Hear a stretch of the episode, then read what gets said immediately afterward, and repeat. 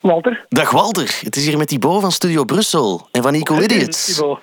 Dag Walter, hoe is het? Hoe is het? Goed, goed, goed, heel goed. Ik hoop dat ik jou niet stoor op dit moment. Nee, nee, nee, nee, wij zijn aan het repeteren, dus altijd.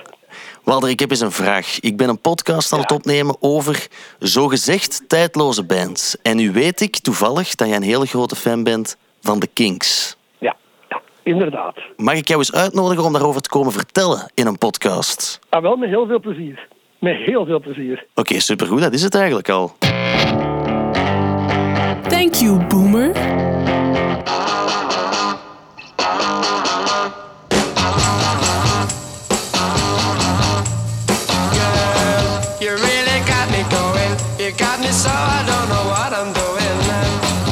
Luister daar eens naar. De primitieve, vlijmscherpe riff van het nummer You Really Got Me. Een nummer van The Kings dus.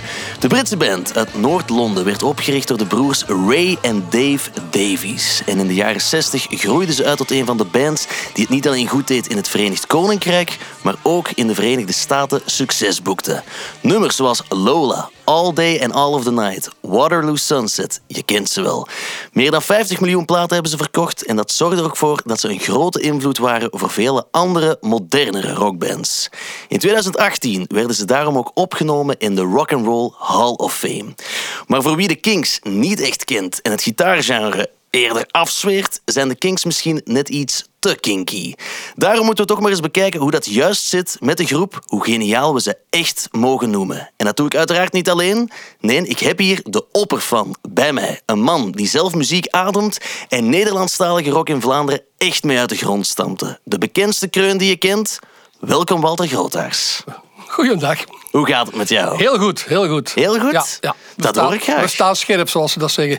Ja, je bent op dit moment terug aan het repeteren, heb ik Ja, begrepen. klopt. De tournee komt eraan. We beginnen eraan. Tot eh, vanaf eh, eh, derde week april was dat dan. En tot september. Oké. Ja. Hoeveel optredens in totaal? 45.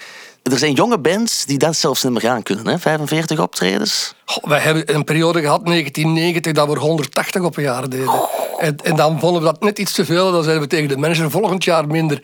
En dan kwam die af en dan zei hij, ja, volgend jaar is het minder, jongens, 160.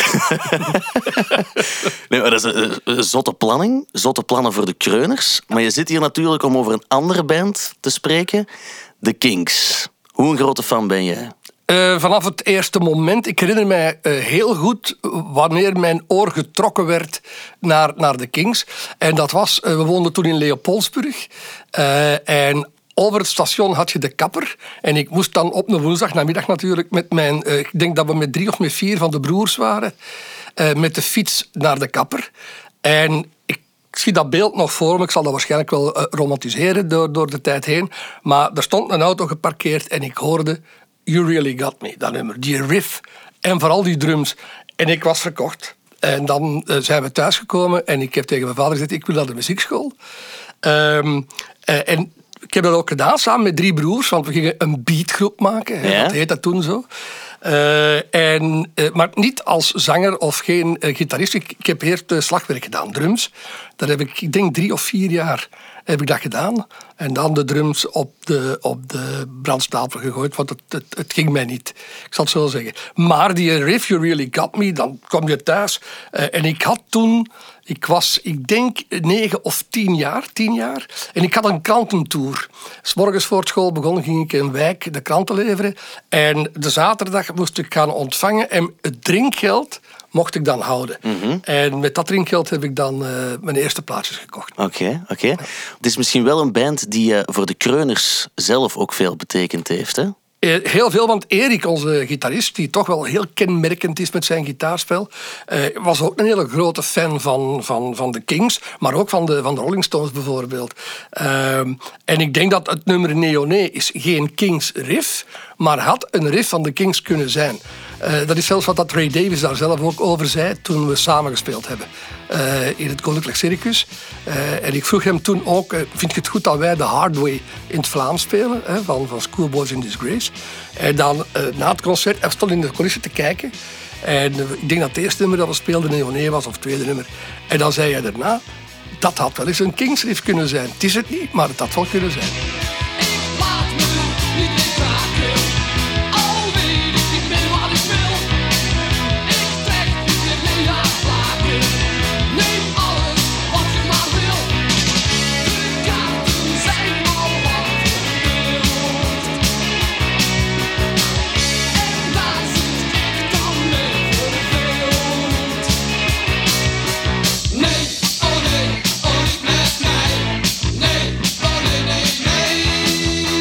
Het is, het is een hele mooie knipoog naar de Kings. Jawel, jawel, het is geïnspireerd door de Kings. Hè. De manier van spelen. Je mag niet vergeten bij You Really Got Me. eh, hun eerste hit. ehm, 1964, denk ik dat het was. En eh, dan was Dave Davies, die de riff heeft uitgevonden, eh, nog geen 17 jaar. Die was 16 jaar. En Ray had het nummer in zijn hoofd, maar Ray was meer een, een klassieke songwriter op dat moment, of toch aan het zoeken, eh, zoekende. En eh, hij had daar eigenlijk een soort jazzy piano onder staan. En Dave zei, maar Allee, wat doe jij nu? Daar moeten we iets anders op vinden. En hij is dan een paar dagen later afgekomen met die riff. Eh, net omdat hij zo jong was, is er lang, maar heel lang gediscussieerd achteraf in de roddelpers dan, hè, dat hij die riff niet gespeeld heeft in de studio, maar Chris Pedding hè, dat zou gespeeld hebben. Maar iedereen blijft toch zeggen dat hij het inderdaad gespeeld heeft als jonge knaap van 16, 17 jaar. Oké, oké. Je hebt het daarnet zelf ook al gezegd. Jullie hebben met de Kreuners ook nummers van de Kings gecoverd. Ja. Bijvoorbeeld dit nummer, The Hard Way. Ja.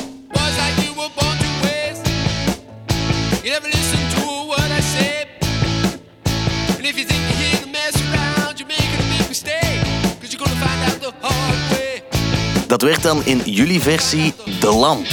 Jij bent een dom om toe te doen. Je luistert nooit naar wat ik zeg. En speel niet met mijn voeten blind, want je zit er net naast. Jij zit nog tegen de lamp. Jij zit nog tegen de lamp. Ik weet niet van, van wanneer deze cover dateert, of wanneer hebben jullie deze gemaakt? Eh, 1980 opgenomen, 81 uitgebracht. Oké, want eigenlijk nog niet super lang geleden hebben jullie nog een nummer van de Kings gecoverd. Eh, Victoria.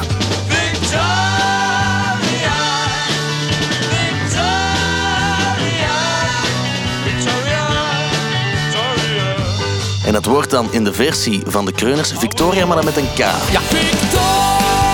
Victoria.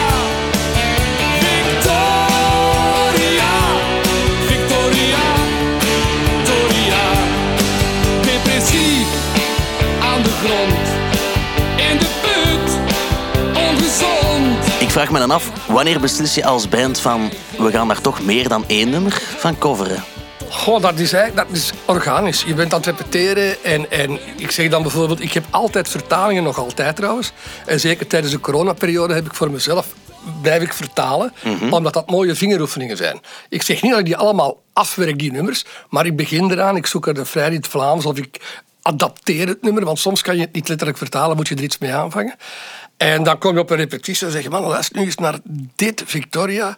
Ehm, en dat, op, dat is de eerste keer dat we dat hebben opgenomen, dat is al twintig jaar geleden. Oké, ja, ja. Eh, met als klein detail, dat is de solo en de eh, aparte gitaar die je later het nummer hoort, dat is Lange Polle. Oké, die dat ja, ja. eh, toen is komen doen. En ja, we gingen, we gingen de studio binnen. We zeggen, kom, laten we ons proberen. Ik heb de vertaling, maar we hebben het steviger gemaakt dan het origineel.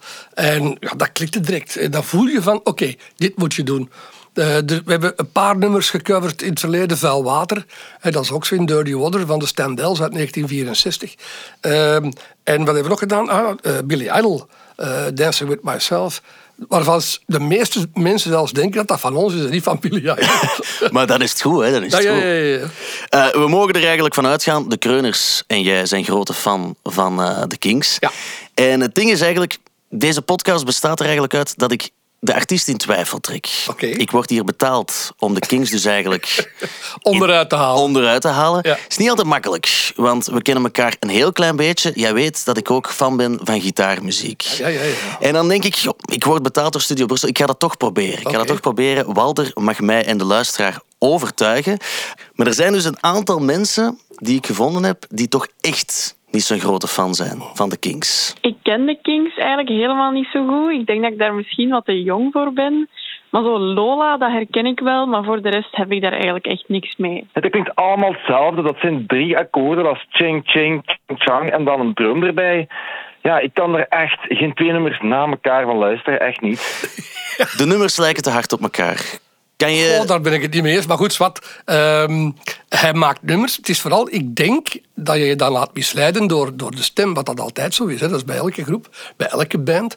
Eh, de Stones zijn ook altijd de Stones. Dat maakt het net de Stones. En de Kings zijn de Kings door de gitaarriffs. Eh, wat is het sterke van Ray Davies als songschrijver? Dat is dat hij erin slaagt, want je moet naar de teksten luisteren. Ah, Dat hij erin slaagt om bij, in een song van drie minuten een, een intro te hebben, een strofe te hebben, een brug te hebben en een refrein te hebben. En dan nog eens een keer op die drie minuten tijd een verhaal vertelt waar een schrijver een boek van 300 bladzijden voor nodig heeft. En dat is zijn kracht, dat is zijn sterkte. Oké, oké. Wel, we gaan proberen die twee luisteraars op zijn minst al te overtuigen. Ja. En daarmee moeten we misschien beginnen, of daarvoor liever, moeten we misschien beginnen met jouw favoriete Kings-nummer. Ik heb het je op voorhand gevraagd. En dat was deze Celluloid Heroes. And everybody's a star, and everybody's in movies. Doesn't matter who you are, there are stars in every city, in every house and on every street. And if you walk down Hollywood Boulevard, their names are written in concrete. Ik ken de Kings vooral van de hardere staccato gitaarriffs. Ja. Dit is wel eerder een rustig balladnummer Maar misschien. ik denk als je de, vo- het volledig repertoire van de Kings door grasduint, daardoor laat het mij zo zeggen, dan ga je toch merken dat misschien 30% met de stevige gitaris is. En dat bijna 70% musical richting eh, nummers zijn, maar waar vooral het verhaal zo belangrijk is. De Kings waren ook de eerste groep in 1968 met de Village Green Preservation Society. Ehm, die, die toen als eerste over de hele wereld een conceptalbum Ja, ja, hebben gemaakt. Ehm, en dat is, dat is een, een, een kracht die hij daarna nog herhaald heeft eh, in, in Archer en zo verder. Eh, en hij kan dat. Hij vertelt in een album, Schoolboys in Disgrace, over het, het systeem van de scholen, de kostscholen in Engeland. Dat hij eh, fantastisch vertelt. En in elk nummer een boek schrijft. Ehm, hij heeft later, veel later ook heel veel ehm, eh, lessen gegeven. Hè. Je kon inschrijven in Amerika of in Engeland en dan kon je naar zijn les gaan voor, voor songwriting. Oké. Ehm, maar je moest gitaar kunnen spelen. dat kan ik dus niet. Dus eh, heb ik het niet gedaan. Ik heb hem nou wel eens gevraagd. Ik heb het geluk gehad, ik heb hem vier keer ontmoet. Ehm, en eh, ik heb dat wel eens gevraagd, kan ik dat niet zonder gitaar? Hij zegt, nee, dan kun je eens komen doen. Hij zegt, maar dan kunnen we beter eens een koffie gaan drinken en dan kunnen we het daar sowieso over hebben. Oké, oké, oké. Ehm, want hij vindt dat belangrijk dat hij kan aantonen eh, op welke manier je dat nummer moet gaan maken. Hoe dat je daar eh, de akkoorden... Hij laat jou een akkoord spelen. eh, of een akkoordenreeks, twee of drie akkoorden.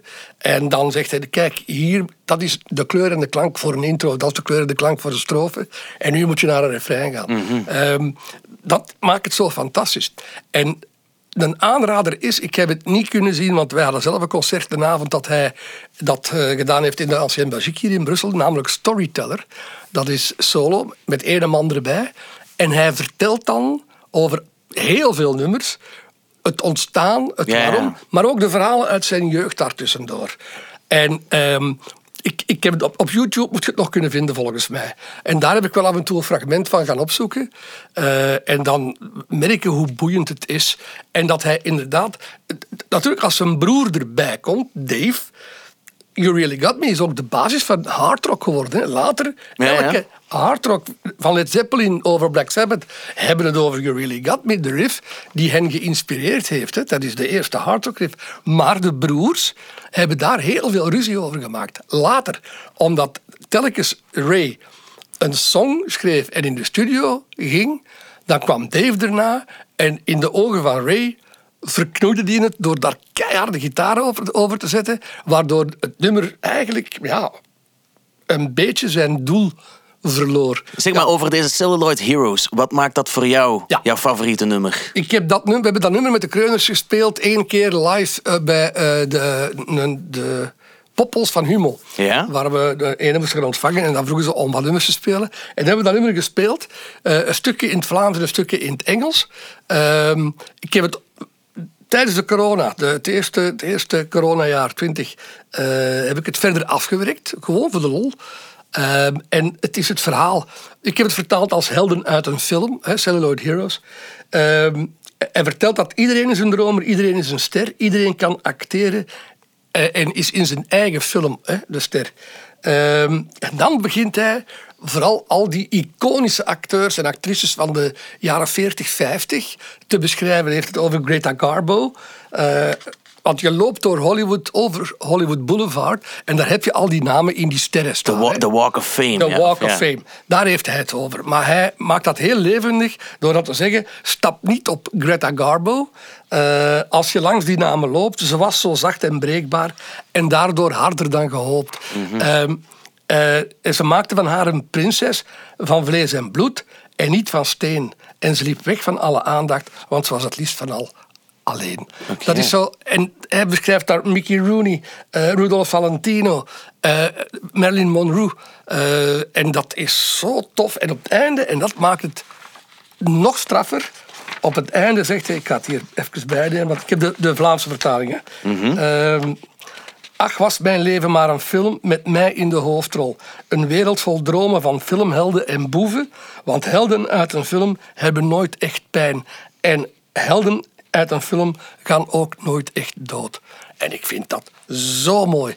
Eerst vertelt hij eh, de liefde voor die acteurs en die actrices. Hij beschrijft hoe je over Hollywood Boulevard, de Walk of Fame, loopt. Daar, waar je die namen op de stoep overal ziet staan. En dan gaat hij dat allemaal beschrijven, één voor één, een paar van die acteurs en actrices. En dan zegt hij, goh, was mijn leven ook maar. Dus bij Ray heb je in heel veel van zijn teksten heel veel ironie, maar ook heel veel melancholie. En bijvoorbeeld als je dat vergelijkt met Bruce Springsteen, die heel veel melancholie heeft. Ik heb daar ook last van. Ehm, en bij Ray, hij verbergt zijn melancholie voor een groot stuk achter zijn ironie. En dat maakt het zo uniek wat dat die man doet. Ja, ik, ik weet ook wel, je had doorgegeven dat, dat dit ook je favoriete tekst is. Ja, ja. Ehm, is het dan vooral die tekst dat het ook jouw favoriete nummer maakt? Eh, ja, maar hij slaagt er ook hier weer in door een sfeer te creëren met de muziek. Die is eigenlijk allemaal heel simpel hoor. Eh, de piano en een gitarretje. Ehm, want ik heb het hem eh, nog maar twee keer live weten brengen. Daar doet je het met akoestische gitaar en dan orgel erbij en een, en een piano. En dat werkt. Eh, hij kreeg zelfs, eh, dat was een festival, poh, ergens eind jaren 70 in Nederland, Pinkpop. Ehm, en dan kreeg hij de massa stil. Met, met, met, eh, met, met de tragere nummers, met de zachtere nummers. Maar wat met dat hij dan weer doorging en Dave zijn goesting mocht doen, dan eh, ja, dat ontploft die wijn natuurlijk. Oké, ja, ja. Dat is jouw favoriete nummer. Mhm. Zijn er ook favoriete albums? Eigenlijk vraag ik meestal, heb je een favoriet album? Maar je hebt me al gestuurd in de mail dat je niet kon kiezen. Dat is heel moeilijk. Hij heeft zoveel fantastische platen gemaakt. Het eerste conceptalbum met de Village Green Preservation Society, Archer. Ehm, waar men het direct als het uitkwam eh, niet goed begreep in Engeland. Hoor. Het, verdween wat in de mist van het onbegrip eigenlijk. En eh, hij, hij daar gewoon... Dat is episch, Het, Engelse Rijk. Maar weer die ironie. Eh, ook in Victoria zit, die ironie. Ehm, en daarom dat het zo'n moeilijker is. Maar waar ik heel fier op ben, dat is omdat ik dat in mijn collectie heb. En ik denk in heel Vlaanderen geen tien die dat hebben. Dat is namelijk eh, The Kings, The Great Lost Kings Record Album, of Record.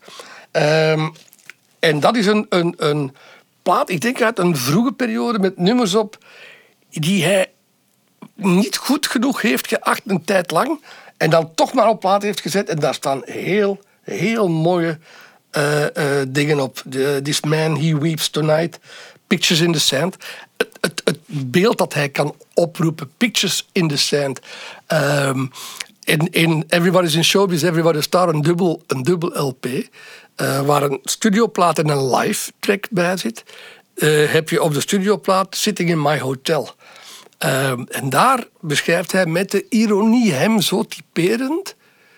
ehm, If you could see me now, here alone in my hotel room. Eh, looking out the window, ik ben een ster. Ik, ik, ik rij rond met een chauffeur. En, en eh, alles is voor mij, maar ik zit wel alleen op mijn hotel. En toen ik met, eh, met hem, was dat toen? Jawel. Toen we samen gespeeld hebben in Brussel, in, de, in, de, in het Koninklijk Circus, heb ik hem gevraagd van, willen we iets gaan drinken daarna? En dat was goed weer, het was niet koud, het was, het was, was plezant. En we zijn naar de grote markt gegaan met Dave en met hem. En de bassist was er ook bij. En we zijn er op het terras gaan zitten en hij vertelde mij toen dat dat waarschijnlijk de tiende keer was op al die jaren dat ze eh, in, in België hadden gespeeld. En dat dat de eerste keer was dat ze iets gingen drinken. Allee. Want dat had de hotelkamer in, de andere dag 's morgens waarschijnlijk vliegtuig op en, en naar een ander land. Hij zegt, en nu hebben we tijd, we slapen, ze sliepen op hotel. En eh, eh, dat, dat- dan, dan kon hem ervan genieten. En dan hebben we daar zitten babbelen. En dan moest ik ook aan Sitting in My Hotel denken als hij dat vertelde. En dan krijgt dat nummer nog een dimensie bij. Natuurlijk, omdat je voor ons, buitenstaanders, het leven van een rockster is boeiend. Ehm, als je op wereldniveau zit, wij rijden een uur en we spelen hè, in Vlaanderen. Wij zijn rotverwend, hè, voor alle duidelijkheid. Eh, die mannen die moeten vliegtuig in, vliegtuig uit, jetlags en noem alles maar op. En inderdaad, die kunnen niet anders dan na een concert, ja, de hotelkamer op hè, Ja, ja, ja. en gaan slapen. Want als je nog moet spelen en zingen, de feestjes voor een concert, dat doe je niet. Als een tour gedaan is, wij deden dat vroeger ook. Het laatste concert van een tour, en dan gingen we blijven hangen. Hè, waar Ja. Ik denk ook wel dat het een zeer eh, eenzaam eh, bestaan Ja. kan zijn als je zo'n Ja. eh, wereldster bent. Ja. Maar je was daar net ook al even bezig over dat album dat je op de kop hebt kunnen tikken. Hoe heb je het op de kop kunnen tikken? Ah, wel, dat is. er waren in heel Vlaanderen, ik denk vier of vijf platenwinkels die ook Amerikaanse import en toen ook uit Londen, uit Engeland konden importeren. En ik had ervan gehoord dat die plaat bestond, maar niet te krijgen was. En dat was in, op de grote markt in Antwerpen. Ehm, en die man, wat een jonge kerel, en die, die was echt begaan met muziek en met platen. En ik ging daar toch minstens één tot twee keer per maand even langs om te zien wat er binnen was. En eh, ik had hem dat gezegd en hij zei, Walter, en hij liet mij die plaat zien. En er is, zoals je kan zien, een hoek afgesneden. Hè, linksboven. En ik vroeg hem, zeg, waarom is dat? Hij zegt, ja, zegt hem, dat doen we. We importeren uit Amerika of uit eh, Engeland. Hij zegt, maar dan laten we daar dat afknippen door de exporteur, hè, die weet dat. Eh, want dat is een tweedehandsplaat, want die is beschadigd. Ja. En dan eh, is er geen tax te betalen. dus dat is fantastisch. Hè? Er is gewoon een hoek af. Eh, het goede is ook wel dat het album The Great Lost Kings, Kings album, album, heet. ja. En dat het dan zo zeldzaam is. Ja, maar hij, hij had heel snel door van... Er was, er was discussie over brengen we het uit, brengen we het niet uit, brengen we het uit. En hij was heel lang tegen. Want hij vond de songs daarop net niet sterk genoeg. Maar daarna is hij wel overstag gegaan. En maar goed ook, want er zitten heel mooie dingen bij. Ja, ja. Maar je moet... Maar dat moet je altijd bij Ray Davies. Hè. Je moet de tekst erbij nemen. je hebt, ik heb ook heel veel muziek en liedjes die ik heel graag hoor, waar de tekst niet belangrijk is. Maar het geheel, de sfeer, de ambiance enzovoort. Maar bij de Kings, dat is net zoals bij Bob Dylan. Hè. Die heeft dat ook. Hè. Dat, dat, dat- je moet daar tekst bij nemen. Of die nummers die, die krijgen een, ja, ik kan niet zeggen minderwaardig, maar ze krijgen een meerwaarde als, het, als je de tekst erbij neemt. Eh, misschien moeten we ook wel eens het hebben over het begin van de Kings. Eh, het zijn inderdaad de broers Ray en Dave Davies die eigenlijk de band oprichten. Eh, op school startte die dan een bandje, de Ray Davies Quartet. Dat wordt dan af en toe Pete Quave Quartet, dat is de bassist. En als hij een optreden regelde, dan kreeg het zijn naam, de band. Ja. Ehm, en dan ja, eh, zijn ze eigenlijk begonnen met nummers maken en hebben ze een album gemaakt. Maar het is een tegenvallende start, heb ik begrepen. Ze brachten twee singles uit. Long Tall Sally, Long Tall Sally liever, Ja. en You Still Want Me. Ja. Die vielen tegen, maar toen kwamen ze natuurlijk met dit.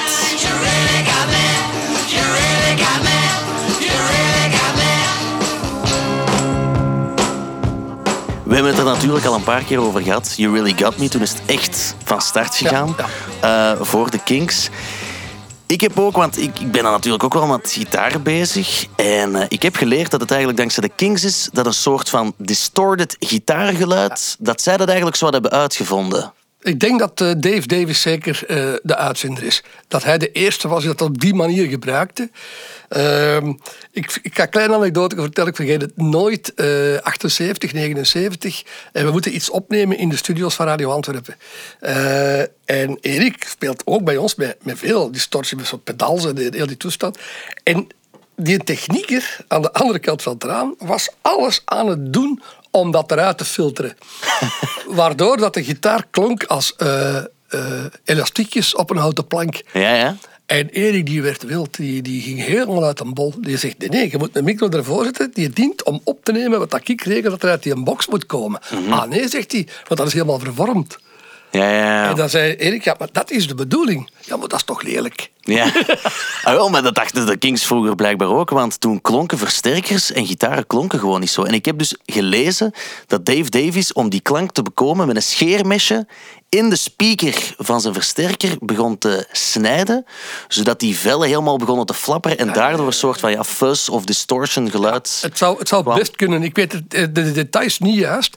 Maar ik weet dat we, dat we ook wij in 80 eh, gingen, gingen, gingen eh, zoeken om, om eh, geluiden uit gitaarversterkers te krijgen die er normaal niet in zitten. En ik weet dat we voor de eerste LP, ik weet al niet meer welk nummer, maar wel iets van Erik in de studio, waar in de kelder, eh, grote kelder, ICP was dat denk ik, ehm, eh, eh, water stond. We hebben daar planken gelegd en we hebben daar die versterker op bakstenen gezet, kabels getrokken. En Erik speelde en dat effect door die kelder en dat lawaai, dat gaf zo'n aparte kleur aan zijn gitaar. Eh, natuurlijk, dat soort van dingen, dat was A, gevoelens stressen voor Erik, die vindt dat fantastisch. Ja. En onze producer Jean-Marie Aerts toen, ja, ook natuurlijk, Ja, als, een grote gitaarfreak. Dus dat was eh, voor mij met mond, open mond eh, staan luisteren en kijken naar het effect daarvan. En dat was wel fantastisch. Ik heb ook ergens gelezen dat je zelf in de studio soms platen van de Kings meenam omwille van de sound echt voor de kreuners. Wat ik heel belangrijk vond, niet alleen de Kings, ik had vooral Kings bij, vooral in de beginperiode. Hè. Ehm, maar ook andere Engelse groepen. En zeker op onze eerste LP, S'nachts kouder dan buiten, eh, heb ik dat gedaan om te laten horen. Wij hadden de gewoonte hier in, in Vlaanderen, als er opgenomen werd, dan had je, al, of je nu een band had of niet, het was altijd zanger met een groep. En de groep zat erachter en de zanger helemaal vooraan. en, en ik vond dat niet mooi. Eh, onze eerste twee singles zijn we gaan opnemen in Londen. Net om met Engelsen te kunnen werken. Om, om hoe dat zij dat doen, om dat te leren en, en, en te zien. En, eh, dus ik zei tegen Jean-Marie, de stem in de groep mixen. Hè. Als ik het nu hoor, denk ik misschien soms net iets te ver achteruit. Misschien wel. Maar op die moment was dat belangrijk. En ik denk niet dat onze fans zich daar seconde aan gestoord hebben. Maar eh, veel radioproducers, maar dat is niet anders nu, denk ik, eh ergerden zich daar blauw aan en hebben dan ook geweigerd om de kreuners te draaien. Ik werkte op Radio Antwerpen en mijn grote baas, de, de, de muziekproducer, de eerste muziekproducer, zo heette dat, weigerde ons te draaien, want die zei "Ja, ik versta u niet. Ja. Dus eh, dat is logisch. Hè? En dat is ook iets dat de Kings veel deden dan.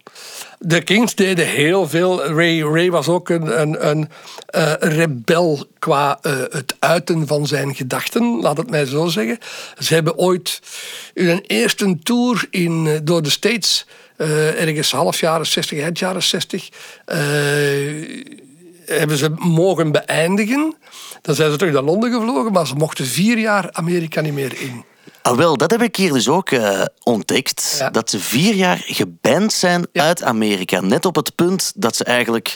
Of ja, dat er in het muzieklandschap zoveel te doen is... dat de popmuziek ook net van de grond komt. Ja. En net dan worden ze vier jaar niet gespeeld, ook niet verkocht Ja, in Amerika. het kan te maken hebben. Er zijn verschillende versies over, hè, voor alle Ja. duidelijkheid. Eh, er zijn er die beweren vanwege hun gedrag dat dat niet strookte met de Amerikaanse en weet ik veel. Natuurlijk, Amerika is een heel puriteins land. Ja, het zou kunnen, hè? dat weet ik niet.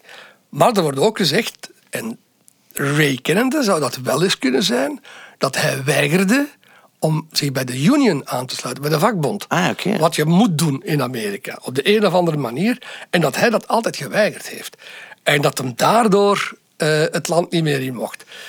Nu, Ray heeft bepaalde principes, want hij is ooit uit Engeland verhuisd. Dat is dan veel later, maar heel veel later.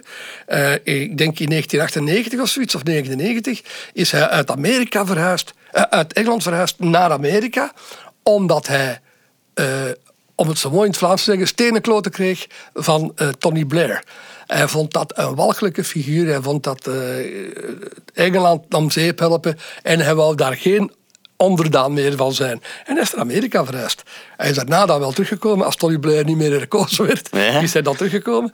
Maar hij heeft zo van die principes. Maar ik vind dat wel oké. Hij is altijd iemand die, die eh, de, de vorige plaveide weg nooit bewandeld heeft. Hij heeft zijn eigen weg gezocht. En dat vind ik altijd chapeau. En maak dan maar fouten, hè, dat maakt niet uit. hè. Ja, de eerste verklaring van dat de Kings eh, af en toe wel eens eh sloebertjes konden zijn, heb ik eh, wel op meerdere plekken gelezen. Zelfs binnen de band hadden ze wel eens ruzie. Ik weet niet of je dat weet. Er is één voorval dat er overal uitsprong op het internet. Dat Mick Avery, de drummer, Ja. bijna Dave Davies vermoord zou hebben. Op het podium. Oei, Ik heb hier een quote klaarstaan uit de jaren 60. Een interview met Mick, Mick Avery dus, de drummer van de Kings. Well, as ever, there's always misinterpretations of the real thing. But um, as you well know, uh, "You Really Got Me" is one of our biggest hits, and uh, this is we've put this first in our act, and we want to make it a big action number, you know. And as the fans were throwing things up onto the stage, sweets, and as so Dave does this guitar thing and sort of whirls it around his head and pretends he's throwing it in the audience. And I do a similar thing with my cymbal, and I caught him an unfortunate blow on the side of the head. You know. Very certainly, upsetting. 18 stitches sounds a bit more than a joke. Yes, 16.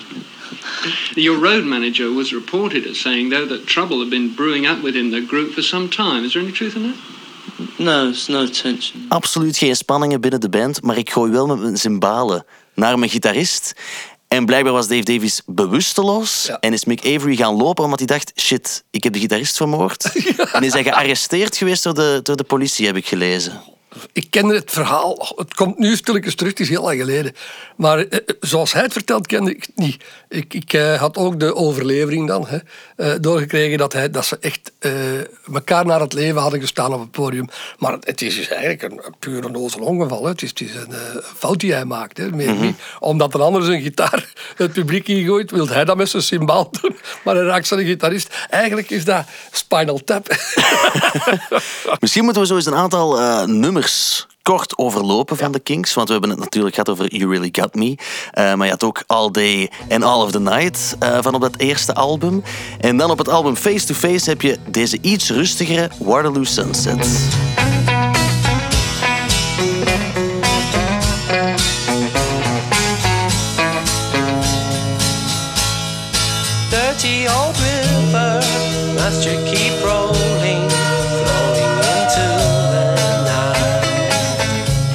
1970 of 72 moet ik opzoeken. Bijhorend album bij het nummer Lola.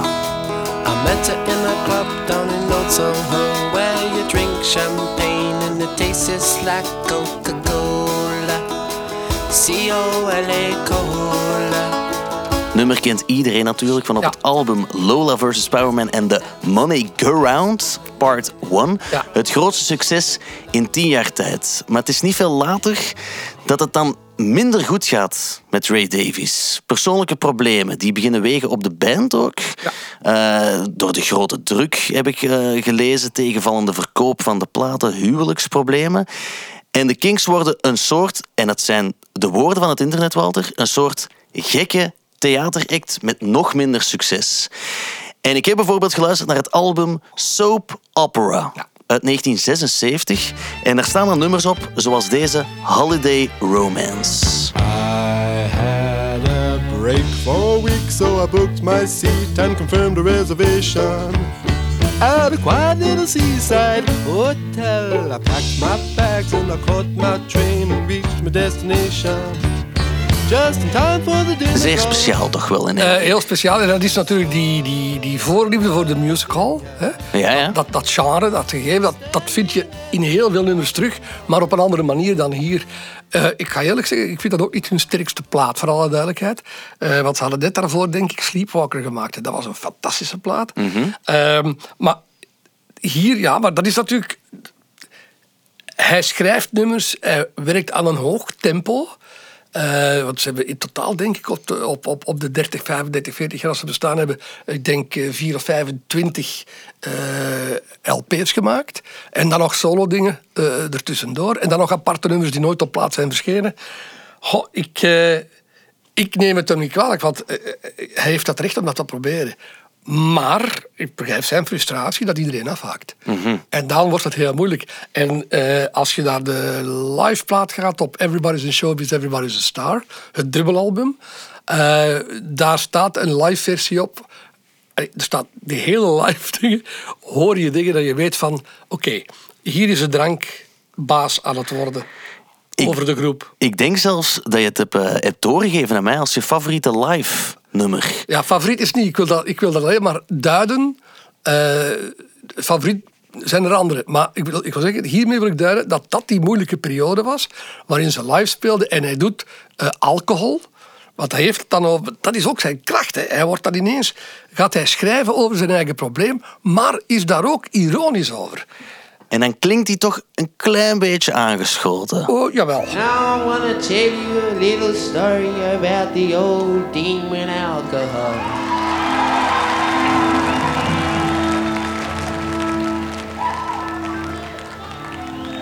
Yes, indeed, my little chickadee. Is a sad and woeful story about a middle class executive. En zo gaat het eigenlijk nog wel een stukje door voor Ja, ja, het ja, nummer echt begint natuurlijk. En dan, als dat nummer gedaan is, tijdens dat liveconcert, begint hij de Banana Boat Song te doen. en ik ging kapot doen. Maar hij vond dat ook grappig, maar doet dat met de grootste serieus. Dus de alcohol was, eh, was duidelijk eh, eh, aanwezig, ik ga het zo zeggen. Ja, ik heb eh, gelezen dan dat hij eh, een overdosis heeft, daarna wel herstelt en terugkomt bij de band. Maar eh, dat de andere bandleden zo wel meer en meer het gevoel hadden dat het meer Ray Davis zijn ding was, in plaats van de band zelf. En valt me misschien nu ook wel op in ons gesprek dat je heel veel over Ray Davis vertelt. Ja. Ehm, maakt Ray Davis de Kings voor jou? Of is het toch nog altijd de Kings als de vier leden die het doen? Het is Ray Davis. Ray Davis is de enige songwriter. Eh, moest hij nu samen met zijn broer of met, met Mick Avery of gelijk wie nummers maken, dan zullen de Kings meester zijn. Alhoewel het begin van de Kings is Dave Davis. Hij was de man die een groep had. En Ray keek er naar op, want Ray was een sukkelaar die altijd thuis zat. Was het, eh, het, eh, hij had vijf zusters, denk ik, die ouder ja. waren dan hem. Dus hij was rot verwend, eh, Ray. En dan komt die, die onnozele kleine Dave. die pakt alle aandacht van zijn zusters weg. En en dat, dat, dat, ja. Hij deed het voor Dave. En Dave had een rockband. En wat, dat, wat ik er straks vertelde, hij had liever de songs geschreven en niet op dat podium gestaan. Maar natuurlijk, als je 20, 22, 23 jaar bent en je kunt You Really Got Me live gaan brengen. Het probleem was, hij dacht dat hij dan ook als rockzanger de aandacht van de meisjes ging krijgen. En dat was niet waard. Die ging naar zijn broer. Die stonden allemaal voor de gitarist. Allee, dat is een beetje geluk als bij ons met Jan van Eycken. Zeg maar, je hebt al heel vaak gezegd eh, dat je hem ook ontmoet hebt, Ray Davis. Wat voor een man is hij? Eh, innemend, humor, kassant, ehm, maar eh, heel vriendelijk gentleman. Ik heb hem vier keer ontmoet. Ik kreeg ooit eens telefoon. ehm, wij speelden op een festival aan de kust. Ja. En de Kings waren headliners daar. En eh, ik kreeg telefoon van Paul Ambach, de organisator. Die zei, Walter, ik had daarvoor al een keer of twee Ray ontmoet. Eh, Ray zou graag hebben dat jij hem van de luchthaven afhaalt met de limo eh, en met hem naar daar rijdt. En s'avonds met hem terug naar het hotel. Zeg, want ze blijven slapen in Brussel. En ik zeg, oké, tof, dat wil ik wel doen. En dan zijn we er naartoe gereden. En heel die weg, hè, want dat was met een chauffeur, dat was geregeld door, door Paul Lambach. Ehm, heel die weg hebben we aan het vertellen geweest over nummers, over, over muziek, over vrouwen, over... Dat was... eh, eigenlijk was dat ongelooflijk plezant. Heel, heel, heel... eh, Maar vooral heel rustig. eh, bijna vaderlijk. Dat was mijn gevoel soms. Maar ik had ook zoveel respect dat het mij altijd wat tijd kostte om iets te durven vragen aan Ray Davis. Mijn god, de eerste keer dat ik hem ontmoette was eh, 2000, nee, dat was 1900, eh, op kwijt zijn, 80, 81, 82. Ehm, ja, dan heb ik de eerste tien minuten niks durven zeggen. En toen ik 50 werd, dat was de voorlaatste keer dat ik hem ontmoette, had mijn dochter Leila, die had het geregeld, hij speelde aan de kust solo. Met, met een groep, Ray Davis gewoon, ehm, op een festival, maar ik weet niet meer welk festival, in elk geval. En mijn dochter had gezegd, papa, voor uw 50ste verjaardag, dat was dan niet in januari, maar in de zomer, eh, houd dat vrij, ik ga met u naar de kust, we gaan iets eten. Ik zeg, ah wel, dat vind ik nou een tof idee, ze moet niet spelen en we gaan naar de kust, ik met mijn dochter, en we gaan samen iets eten. En eh, we komen eraan, we zijn iets gaan eten. Hij zegt, en nu heb ik nog een, nog een verrassing.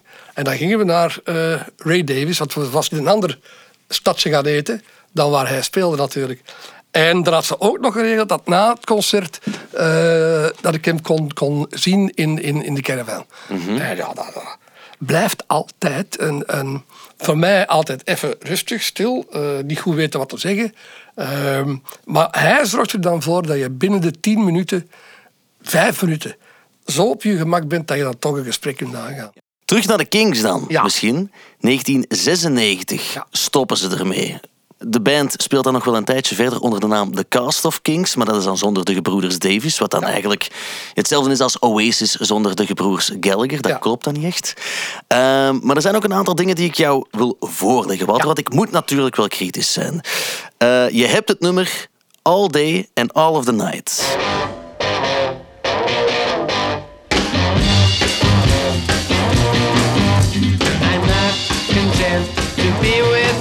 In the daytime.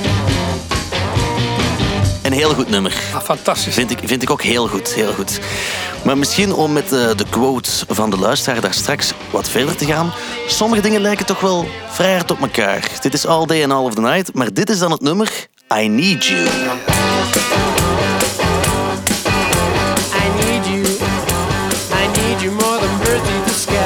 Het zijn denk ik zelfs echt dezelfde akkoorden. Het zou kunnen, maar een achterstevoren gespeeld natuurlijk. Ja, ja. Ehm, ja, maar wat je moet doen als je All Day and All of the Night, als je daar naar luistert, hè, dan heb je weer die, nu zou men dat zo noemen, de hard rock gitaarriff. Hè. Maar dan moet je eens luisteren hoe Ray daarop zingt. Nu of later dan, de, de Black Sabbaths van hun tijd, die hetzelfde deden, daar werd dan op geroepen. Hè, Met veel kracht erover gezongen. Hij zingt op een hele rustige, normale manier All Day and All of the Night. En toch op een hele stevige riff. En dat vind ik, dat is een kunst. Ja, ja oké. Ja, dat, is- dat is mooi, dat is mooi. Het is ook een kunst die ehm, Jim Morrison gehoord had. Want die doet met zijn Doors toch wel iets vrij eigenaardigs. Hello, I love you. Won't you tell me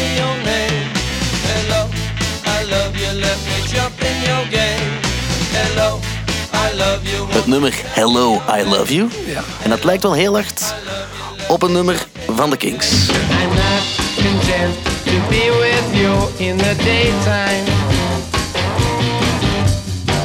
Blijkbaar was iedereen wel zo wat op de hoogte van... God, de Doors hebben de Kings afgeript.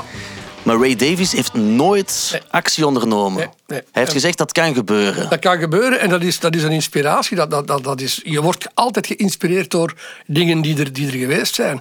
Dat is het grote probleem trouwens. Als je lang bestaat als groep, als band, wij hebben dat ook hoor, en je gaat aan nieuwe nummers werken, en je bent zelf een muziekliefhebber, eh, en bij ons in de groep zitten er zo vijf, met een, met een toch degelijke basiskennis van, van, van, van wat er de vijf, laatste vijftig jaar op muziek eh, gemaakt is. En je begint aan een nummer. Als je jong bent, dan is dat wak, tak, tak, 1, 2, 3, 4 en we zijn weg. En nu, ja maar nee, dat trekt daarop. Oh nee, nee wacht eens, wat? Nee, nee, dat, dat, dat, dat klinkt iets te veel naar dat. Eh, en dan ik, mannen, sorry, maar dat hebben we wel eens gedaan. En eigenlijk mag je dat niet doen. Maar toch doen we dat. Ja, ja. En wat, wat Ray wil zeggen is, je wordt altijd geïnspireerd door anderen en hij heeft nooit een procedure willen inspannen, terwijl waarschijnlijk de managers en zo zouden gezegd hebben van, doe dat, doe dat.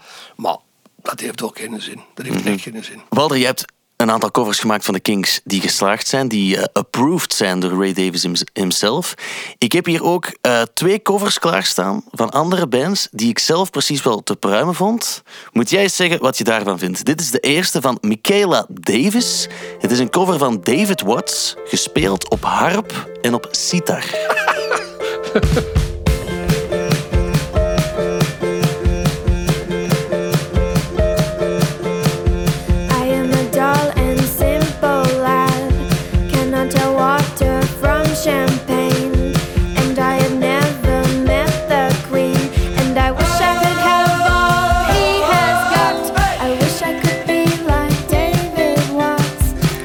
je daarvan? Ja, jawel, jawel, jawel. Ja? Ik vind dat plezant gedaan. Ik weet niet dat het voor drie minuten zal lukken om het vol te houden. maar het is toch wel, eh, ja, ik vind het plezant. Oké, leuk. Leuk om te weten. En dan is er nog eh, een favoriete band toch wel van mij. De Amerikaanse rocker Ty Segall. Die heeft een band genaamd Fuzz. Dat wil al veel zeggen. En die hebben wel een uptempo versie gemaakt. Ja, nog harder eigenlijk. Van het nummer Till the End of the Day.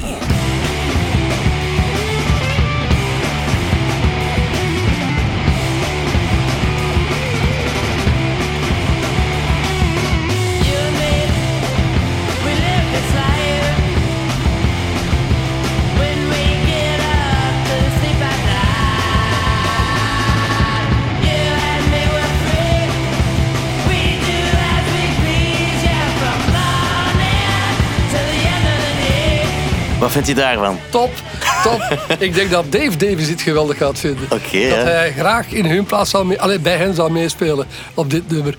Eh, niet iets wat ik thuis ga opzetten, voor alle duidelijkheid. Maar het is wel goed gedaan. Ja, oké, oké, oké. Dat hoor ik graag, dat hoor ik graag.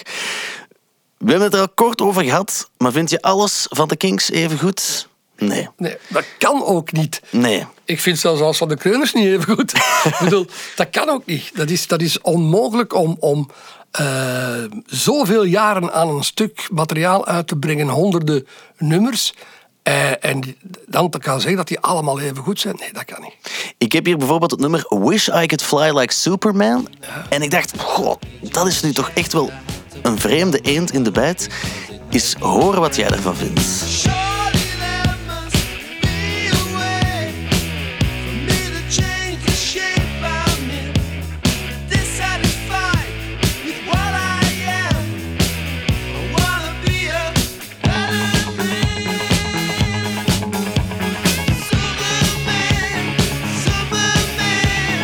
Het is echt een disco eigenlijk, hè? Het is eh, Patrick Hernandez goes, eh, goes British. Hè? Ik bedoel, maar dat, dat- ik weet dat Kenneth, dat is niet echt zijn... eh, en dat hebben veel bands gehad, die, die uit het begin van de jaren 60 en dan had je zo eind jaren 70 eh, de Bee Gees hè, met, de, met de disco fever.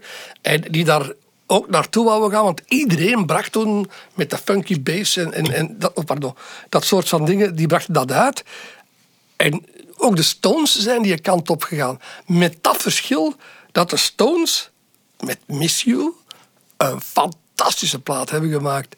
Met heel veel disco-invloed erbij. En dat, dat werkt. En hij is ook gaan zoeken. Je voelt dat hij zoekt. Maar het past niet bij hem. Zijn boodschap verzuipt. Ja.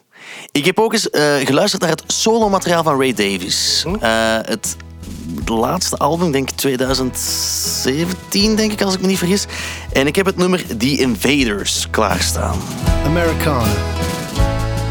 It started as a flickering black and white image through an old movie projector. Faces of cowboys and Indians, the good guys victorious over the emissaries of evil. My early visions of America came from the cinema.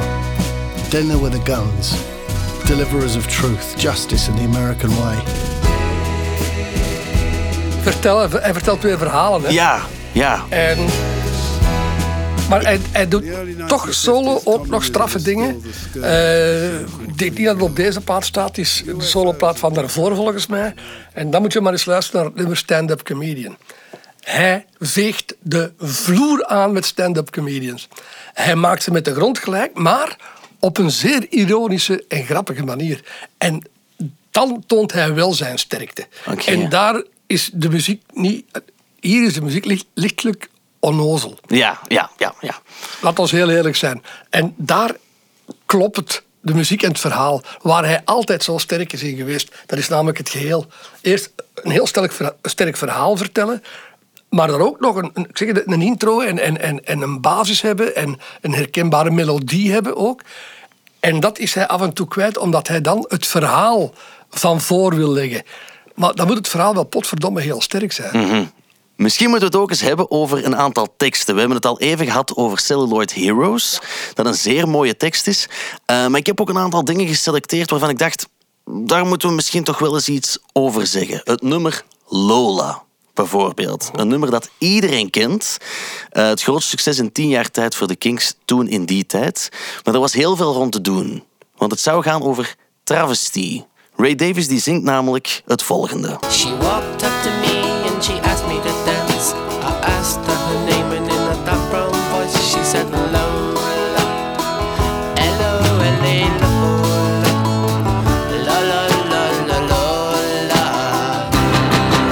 gaat hier over een man die zich verkleedt als een vrouw. En het was een soort van primeur, heb ik begrepen. Dat er... Toen, toen, ja, ja, ja, ja. Hij was eigenlijk eh, bijna eh, eh, profetisch was het, hè, van boys will be girls and girls will be boys. Eh 1970 was dat niet echt voor de hand liggend om... Er was niks tegen, voor alle duidelijkheid. Was, we gingen naar, naar een open maatschappij. Maar hij zong daarover. En hij eh, duidde dat. En dan zijn natuurlijk de verhalen gekomen van... Ja, maar hij heeft het zelf meegemaakt. Hij is verliefd geworden op een travestiet. En zelf vertelt hij daar drie verschillende verhalen over, geloof ik. Maar dat maakt ook niet uit wat de oorzaak, de aanleiding is. Het zou in een club geweest zijn, eh, wat gedronken en dan toch verliefd geworden. En dan moet een gitarist gezegd hebben, of iemand die erbij... Nee, zijn manager die erbij was. eh en ik gezien, die heeft wel een stoppenbaard. Eh dat een verhaal is dat zijn manager, Cage, eh daarmee aan het flirten was. En dat hij tegen Ray zei van, het is in de chacos, ik ga ermee eh, slapen vannacht. En dat Ray tegen hem gezegd heeft, ja, maar heb jij die haar stoppenbaard wel eens gezien? Ja. dus dat zijn zo wat de verhalen. En ik vind het eigenlijk allemaal mooi. Het, het is onbelangrijk wat de, wat de waarheid is, maar het zijn dingen die hem inspireren.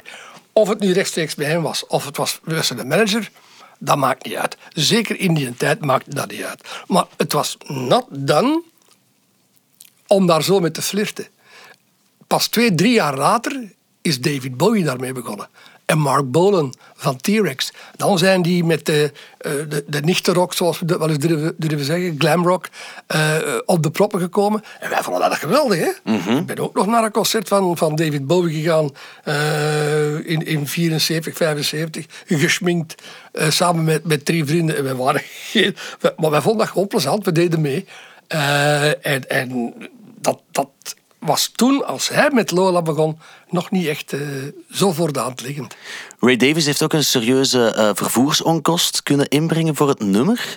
Want ze hadden een tekst in de eerste strofe waar hij zingt over Coca-Cola. Maar dat heeft hij moeten aanpassen, heb ik begrepen. Ja, naar Cherry Cola. Ja, klopt. Omdat Coca-Cola was eh, ja, reclame maken eigenlijk. En het mocht absoluut niet van de BBC. En die hadden gezegd, we gaan het niet draaien. Ja, om die reden. Dus daarom is hij helemaal van, ik denk, Amerika naar Engeland of anders, andersom, waar dat ze het hebben opgenomen, moeten vliegen om het aan te passen naar Cherry Cola. Naar Cherry Cola, ja. Dat is ook wel zot eigenlijk. Het is, ja, maar toen, de BBC, toen, allee, dat was, dat was eh, zoals de, de, de BRT toen, hè, laat ons eerlijk zijn. Dat was heel conservatief, hè, dat was heel behoud, behoudsgezind. dat is pas opengebroken in die periode, hoor. Niet veel later zijn ze dan toch mee op de kar gesprongen. Eh, maar toen was dat inderdaad eh, belangrijk om niet Coca-Cola, maar Cherry Cola te zingen. Heb jij ook al eens toegevingen moeten doen in teksten van de Kreuners?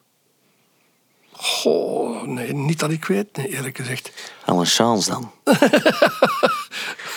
ik heb hier nog één nummer waar ik toch eh, heel graag eens wil babbelen over de tekst. Het nummer Art Lover. Ik weet niet of je het nummer kent. moet diep graven. Het is vooral de tekst waar ik het eens over wil hebben. Sunday afternoon, there's something special. It's just like another world. Jogging in the park is my excuse to look at all the little girls. I'm not a flasher in a raincoat. I'm not a dirty old man.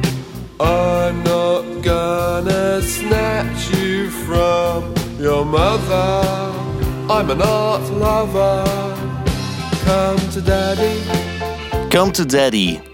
In het park staan loeren naar kleine meisjes. Hij staat niet te loeren. Hè. Hij, hij zegt heel duidelijk... Sorry, ik, ik ben geen, geen pedo enzovoort. Maar hij houdt van kunst, dus hij houdt van het beeld dat zich daar afspeelt. En ik weet met de, met de, met de connotatie van de laatste jaren... We hebben het er vaak over. Ik ben gek van kinderen. Ik, ik hou van kinderen. Ik vind kinderen fantastisch. Eh, ons laatste nummer gaat er ook over, over kinderen. Geen zonde van de tijd. Ehm, maar ik heb toch ook zoiets van... eh, publiekelijk... Vroeger zou ik... Hé, hey, maat, hop, kom hier. Ja, ja. Hè, Ben je gevallen pijn gedaan? Kom hier, ik zal je een stuk knuffel geven, ik zal een kusklop geven en dan is dat genezen. Ja, ik denk dat ik het publiek ook niet meer zou durven, want er is altijd zoiets negatiefs dat daar rondhangt. Terwijl dat, dat niet is, hè. dat is eh, meer uitzondering dan regel. Hè. Mhm, dus daar moeten we toch voorzichtig mee zijn. Zeker en vast. Maar het zijn die dingen die ik wil horen, hè, Walter. Ik dacht, ik ga nu eens proberen een Ja? steekje te geven, maar je hebt het eigenlijk al meteen gecounterd. Eh, we gaan verder naar de live. En dan zit het er al bijna op eigenlijk. Hoe vaak heb jij de Kings live gezien?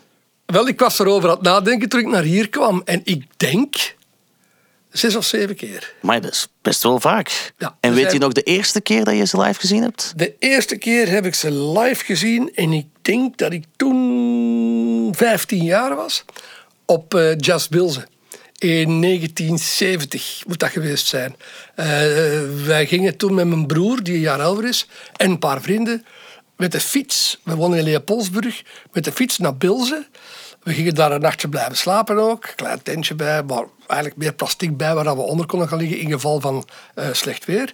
Eh, en thuis hadden we gezegd dat we, wij, mijn broer en ik, bij onze vriend eh, in een tuin in, in een tent gingen slapen. En hij had thuis gezegd dat hij bij ons in een tuin in een tent. En wij allemaal met de fiets naar Bilze. Eh, we hadden gespaard voor ons ingangsticket en we hadden wat boterhammetjes gesmeerd enzovoort enzovoort. En, en de Kings gingen komen, die gingen zeker Lola spelen. En dat is natuurlijk het verhaal dat dan de rol ging. En Lola is erbij en die gaat in een kooi zitten. En wij hadden het plan opgevat, we gaan van voor staan. En als Lola in een kooi zit en die kan daar niet uit, gaan wij ze bevrijden. maar er was geen Lola, er was geen kooi. Maar er was wel een fantastische Kings. Oké, en wat maakte zo'n optreden dan zo speciaal van de Kings? Daar zijn het toch wel, als snotneus van 15, die gitaren. Hè? Die, die hè? dat is eh, een, een, een klein detail nog. Hè? Toen dat we met hen samen speelden in het Koninklijk Circus. ehm, het was soundcheck, dat was nog hè, eh, voor het grote digitale tijdperk. Hè? Ehm, en dan had je de doek achter de versterkers eh, op het podium, hè, dat afgeschermd. En dan ging ik kijken bij Dave Davies. Die had een cirkel daarachter. Ik denk met in totaal acht of tien versterkers. En één Rody die de lijst had met de nummers die gingen gespeeld worden.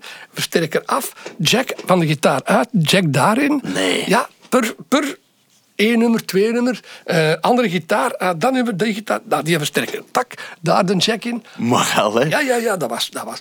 Erik ook, wij stonden daar zo te kijken bij hun soundcheck. En dat werkte, hè, want hij had dat geluid nodig. Had dat, waarschijnlijk een freak. Hè. Je weet, gitaren hè, en gitaristen die hebben het geluid van hun gitaar in hun hoofd. Dat komt nooit uit de gitaar. Want dat, dat, dat is heel hun leven, zoeken ze erachter. Hè. Ja, ja. Dat is zo mooi, hè? fantastisch vind ik dat. Hè? En eh, ja, de, de, de, in Bilze 70 zeker de gitaren. Jawel, jawel. Wel, want nu hebben mensen natuurlijk effectpedalen en zo, maar als je besluit om voor elk soort pedaal dan eigenlijk een andere gitaarversterker mee te nemen, voor mensen die niet weten wat live optreden is, dat is een serieuze, kostelijke en vermoeiende bedoeling, denk ik dan. Maar dat was perfect geregeld. Die Rody wist echt heel goed waar hij mee bezig was. En de pedalen waren er nog niet. Hè. Misschien een paar, hè. twee, drie, vier pedalen. Als ik dat nu zie bij Erik en bij Jan, ik denk dat die zo van die boards hebben met, met, met 12, 13, 14 pedalen op. Toen we de eerste keer gingen spelen in 1978, was dat één pedalken. Hè. Ja, ja, ja. ja. Was, hè. Denk je dat, dat je ze ooit nog eens live aan het werk gaat zien? En dan hebben we het eigenlijk over de reunie die al jarenlang in de lucht hangt. Ik hoop het. Ik Ja, hoop toch? dat ik... Jawel, jawel, jawel, jawel. Je weet het niet, hè, want je weet, Dave Davis heeft dan 2004, denk ik, een herseninfarct gehad. Eh, maar dat zou allemaal perfect in orde zijn. Hij zou ook eh, eh, kunnen spelen. Het straffe is, in dat jaar is Ray Davis neergeschoten. Ja, in, zijn been. Ja. In zijn been, een overval die ergens plaatsvond. Die rovers gaan lopen. Hij komt daar toevallig voorbij en krijgt een kogel in zijn been. In New York, denk ik dat was. Dus ja, eh, je weet het niet. Ik weet het echt niet. Eh, ik las een hele tijd terug, een, een, maar dat is van een jaar of twee, drie geleden, denk ik, een interview. Eh, en dan zei hij, I, I have dimension in reverse. Maar hij zei dat op een vraag van de journalist, omdat hij toch nog altijd heel veel dingen weet van vroeger en dat heel mooi kan blijven beschrijven, zoals hij ook in zijn nummers doet. Waarop die journalist dan zegt van, ja, maar jij weet toch nog alles? I have dimension in reverse. Dus hij weet nog alles. Dus ik denk dat het geestelijk nog altijd in orde is. En hij is 77 nu, denk ik. Ja, 77 of 78. Maar het ding bij die bands die dan na zoveel jaar dan toch nog een reunie doen, is er natuurlijk een risico dat het niet meer gaat zijn zoals vroeger. Heb je daar dan schrik van? Nou, weet je wel. Weet je wel. Maar ik, ik denk dat ze fierheid genoeg hebben om te repeteren. En natuurlijk, ze moeten gewoon één ding doen. Dat is hun 30 grootste hits spelen. Meer moeten ze niet doen. En dat zijn 30 fantastische songs. Wat ze niet mogen gaan doen, is dan Ray Davis solo daar gaan zitten. Dat moeten ze zeker niet doen. Dat is een ander, een ander eh, verhaal. Maar als ze dan hun, hun anderhalf uur, twee uur kunnen hun, hun, ja, hun kracht op dat podium loslaten. Ze zijn fier genoeg om te weten, we kunnen het nog. Elke muzikant. Als je, als je voelt van het gaat niet meer, fysiek bedoel ik dan, hè. Eh, de, de, de, de akkoorden juist nemen door artrose of wat dan ook. Hè. Ze, zijn, ze gaan richting 80. Ja, dan is er... eh, dan moet je stoppen.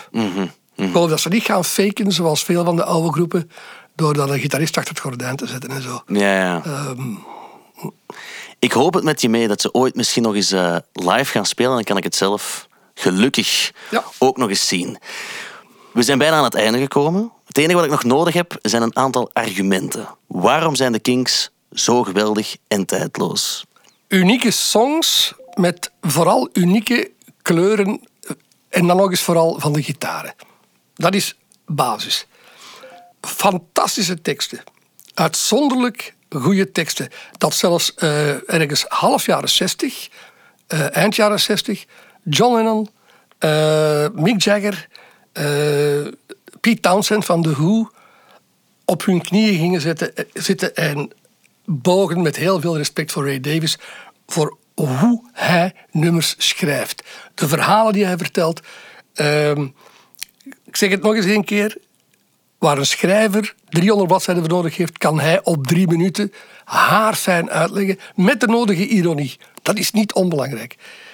En ten derde, omdat het iconen uit de rockgeschiedenis zijn.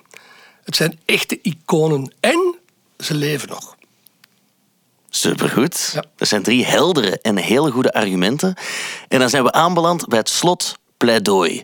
Zeer simpel, ik ga je één vraag stellen, een ja-nee-vraag. Ik tel af en dan geven we samen op hetzelfde moment een antwoord. Dus, Walter Groothuis, mogen we de band The Kinks vandaag nog legendarisch, iconisch en bij uitbreiding tijdloos noemen? 3, 2, 1. Ja. Top. Zeker wel. Het is het afgelopen uur geweest waar ik met de mond open en aan je lippen heb gehangen. Eh, maar ook die drie argumenten, dat vat het nog eens heel mooi samen. En voor mijzelf, persoonlijk zelfs, de invloed die het gehad heeft op jou en de kreuners, dat is voor mij eigenlijk nog een vierde goede argument. Ja, top. Mag ik jou heel erg bedanken om langs te komen, Walter? Met heel veel plezier gedaan. Check ook onze andere podcasts, zoals de podcast van de week, waarin Stijn van der Voorde zijn licht laat schijnen over het popnieuws. Nu in de Stubru-app.